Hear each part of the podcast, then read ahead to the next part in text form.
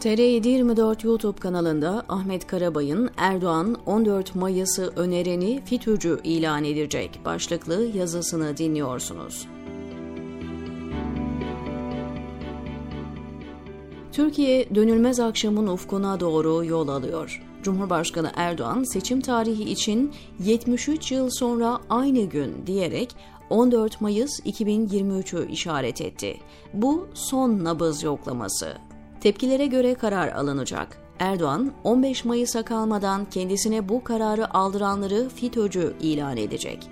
Ahmet Karabay'ın yazılarını takip edenler 14 Mayıs tarihini sık sık okudu. Son 5-6 aydan bu yana hep 14 Mayıs'ta yapılacak seçimler ifadesini kullandım.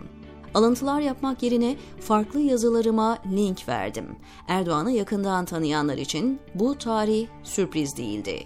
Bu seçim tarihini belirleyen de MHP lideri Devlet Bahçeli oldu. Salı günü partisinin grup toplantısında uzlaşarak Türkiye'yi birlikte seçime taşıyalım. Mayıs ayı içinde bu işi bitirelim dedi. Bahçeli Mayıs'ta seçime gidelim derken eski kabalığı gitmiş bir şekilde kuzu postuna bürünmüş, nezaketli bir siyasetçi gibiydi. Bu çağrıyı yapmaya özen gösterdiğine dikkat çekerek konuya devam edelim. Seçim Mayıs ayında yapılacaksa seçim kararı almak için muhalefetin desteğine ihtiyaç var. Zira seçim kararının alınması için 360 oy gerekiyor. AK Parti ve MHP'nin oyları bu kararı almaya yeterli gelmiyor. O zaman geriye Cumhurbaşkanının seçim kararı alması şıkkı kalıyor. Yani meclisi feshetmesi. Peki Cumhurbaşkanlığı sistemine geçilme öncesinde anayasa değişikliği sırasında muhalefetin Cumhurbaşkanına meclisi feshetme yetkisi veriliyor dediğinde Erdoğan neler demişti? Cumhurbaşkanının böyle bir yetkisi yok. Yalan. O dönem geçmişte kaldı. Bu dönemde böyle bir şey söz konusu olmuyor. Bu yeni düzenleme ile beraber Cumhurbaşkanı böyle bir fesih yetkisine sahip olmadığı gibi eğer ülke bir erken seçime gitme durumundaysa erken seçime gitme kararını parlamento alır. Erdoğan'ın halkı inandırmak için metinde yer alan ifadeleri bile nasıl çarpıtarak halka yansıttığını göstermek açısından bu videoyu izledikten sonra konumuza dönelim.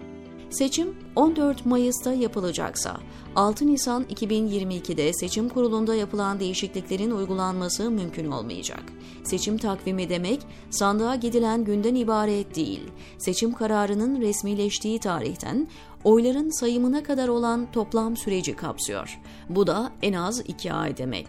Seçim takvimi Mart ayı ortasından başlayacak. Yasa değişikliğinin üzerinden bir yıldan daha az zaman geçtiği için eski kurallara göre sandığa gidilecek. Yani seçimde ülke barajı yine %10 olacak, ittifak içindeki partilere baraj söz konusu olmayacak. Bir diğer nokta seçimin fesih yoluyla yapılması durumunda Erdoğan'ın yeniden adaylığı söz konusu olamayacak. Yasada yer alan bir kimse en fazla iki kez aday olabilir hükmünün ortadan kalkması için üçüncü kez aday olabilme ancak meclis tarafından seçimlerin yenilenmesi halinde mümkündür ilkesi yerine getirilmemiş olacak. Erdoğan üçüncü kez aday olacaksa bu hüküm nasıl uygulanacak? İngiliz yazar George Orwell'ın 1984 romanında belirttiği gibi hiçbir şey yasa dışı değildi çünkü yasa diye bir şey yoktu. Hükmü mü geçerli olacak? Pratiğe bakarsanız böyle olmasının önünde bir engel yok. Devletin faaliyetine izin verdiği bir bankaya para yatırmanın terör eylemi olduğuna inanıp da bir kişinin üçüncü kez aday olamayacağını iddia etmek hayli trajik bir durum olsa gerek.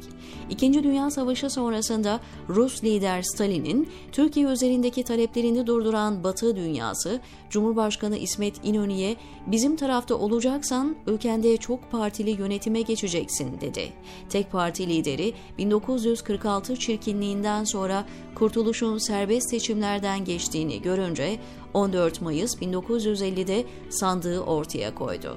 Seçim öncesinde İnönü ve CHP yönetimi kendilerine o kadar güveniyorlardı ki muhalefetteki DP'nin çoğunluk seçim sisteminin adaletsizliklerinin düzeltilmesi yolundaki çağrılarına kulak tıkadı. Çoğunluk sistemi DP'ye hayat hakkı tanımamak üzerine kurulmuştu. Kaldı ki meydanlarda CHP yönetimini haklı çıkaracak görüntüler vardı. İnönü'nün gittiği mitingler, Celal Bayar ve Menderes'in katıldığı mitinglerden daha kalabalıktı.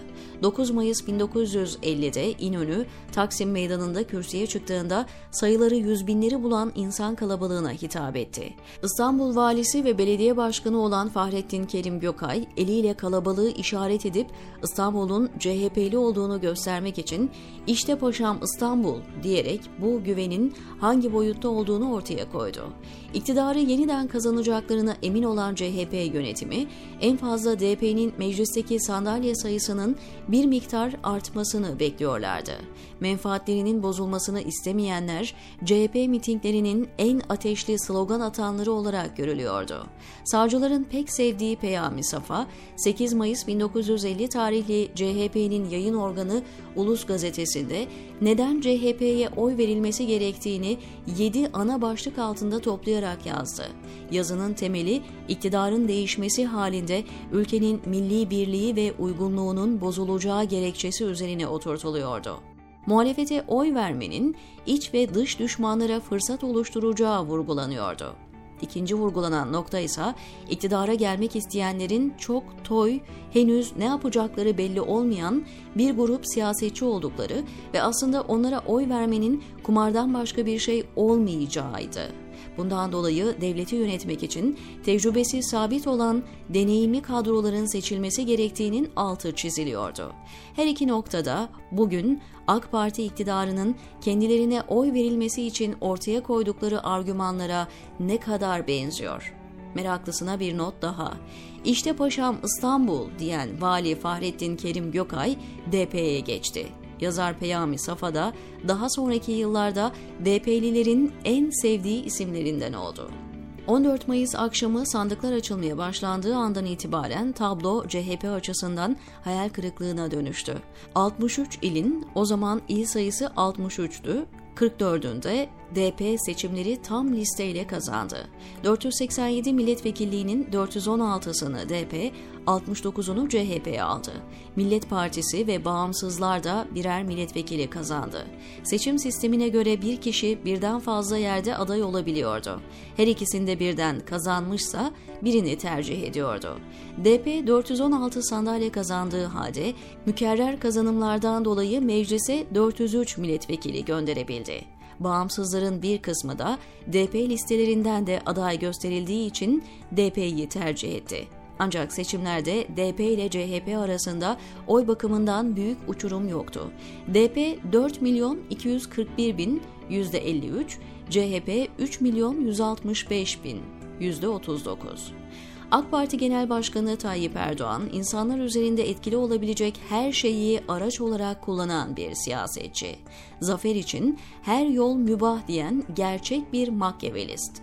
Bu seçimlerde de kazanacak yöntem her neyse ona başvuracağına ilişkin şüphe yok.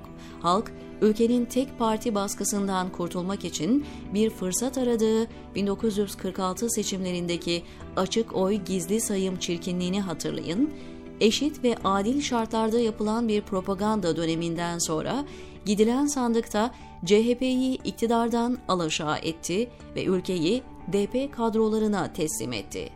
Erdoğan kendisini Adnan Menderes'e partisini de Demokrat Parti'ye benzetmeyi çok seviyor. Ancak 14 Mayıs epey farklı şeyler ifade ediyor. Bundan dolayı Erdoğan fena halde yanılıyor olmalı. O dönemde 12 yıllık, kimine göre 27 yıllık tek parti iktidarı vardı. Bugün 21 yıllık bir tek parti iktidarı var. DP yeter söz milletindir dedi. Bugün muhalefet ittifakının adı Millet İttifakı. 14 Mayıs 1950 tek parti döneminin sonu. 14 Mayıs 2023 tek adam rejiminin sonu. O gün çoğulcu muhalefet tek partiyi iktidardan indirdi. Bugün de çoğulcu muhalefet devletleşmiş tek adamı devirmek istiyor. Menderes'in partisinin adını taşıyan Demokrat Parti bugün Millet İttifakı içinde yer alıyor. Menderes'i idama götüren 27 Mayıs darbesinin radyo anonsçusu dönemin kudretli albayı Alparslan Türkeş'in partisi MHP, muhalefetin değil iktidarın ortağı. Son olarak 13 milyon oyu alan Z kuşağının oy kullanacağı seçimlerde 73 yıllık bir hafızaya başvurmak pek akıl kârı olmasa gerek. Bütün bu yanlış adımlardan dolayı istediği sonucu alamayacağını gören, anlayan Erdoğan, kampanya sorumlusunu yakında FİTÖ'cü ilan ederse şaşırmayın. Türkiye tarihinin en kritik 114. günündeyiz, diyor Ahmet Karabay TR724'teki köşesinde.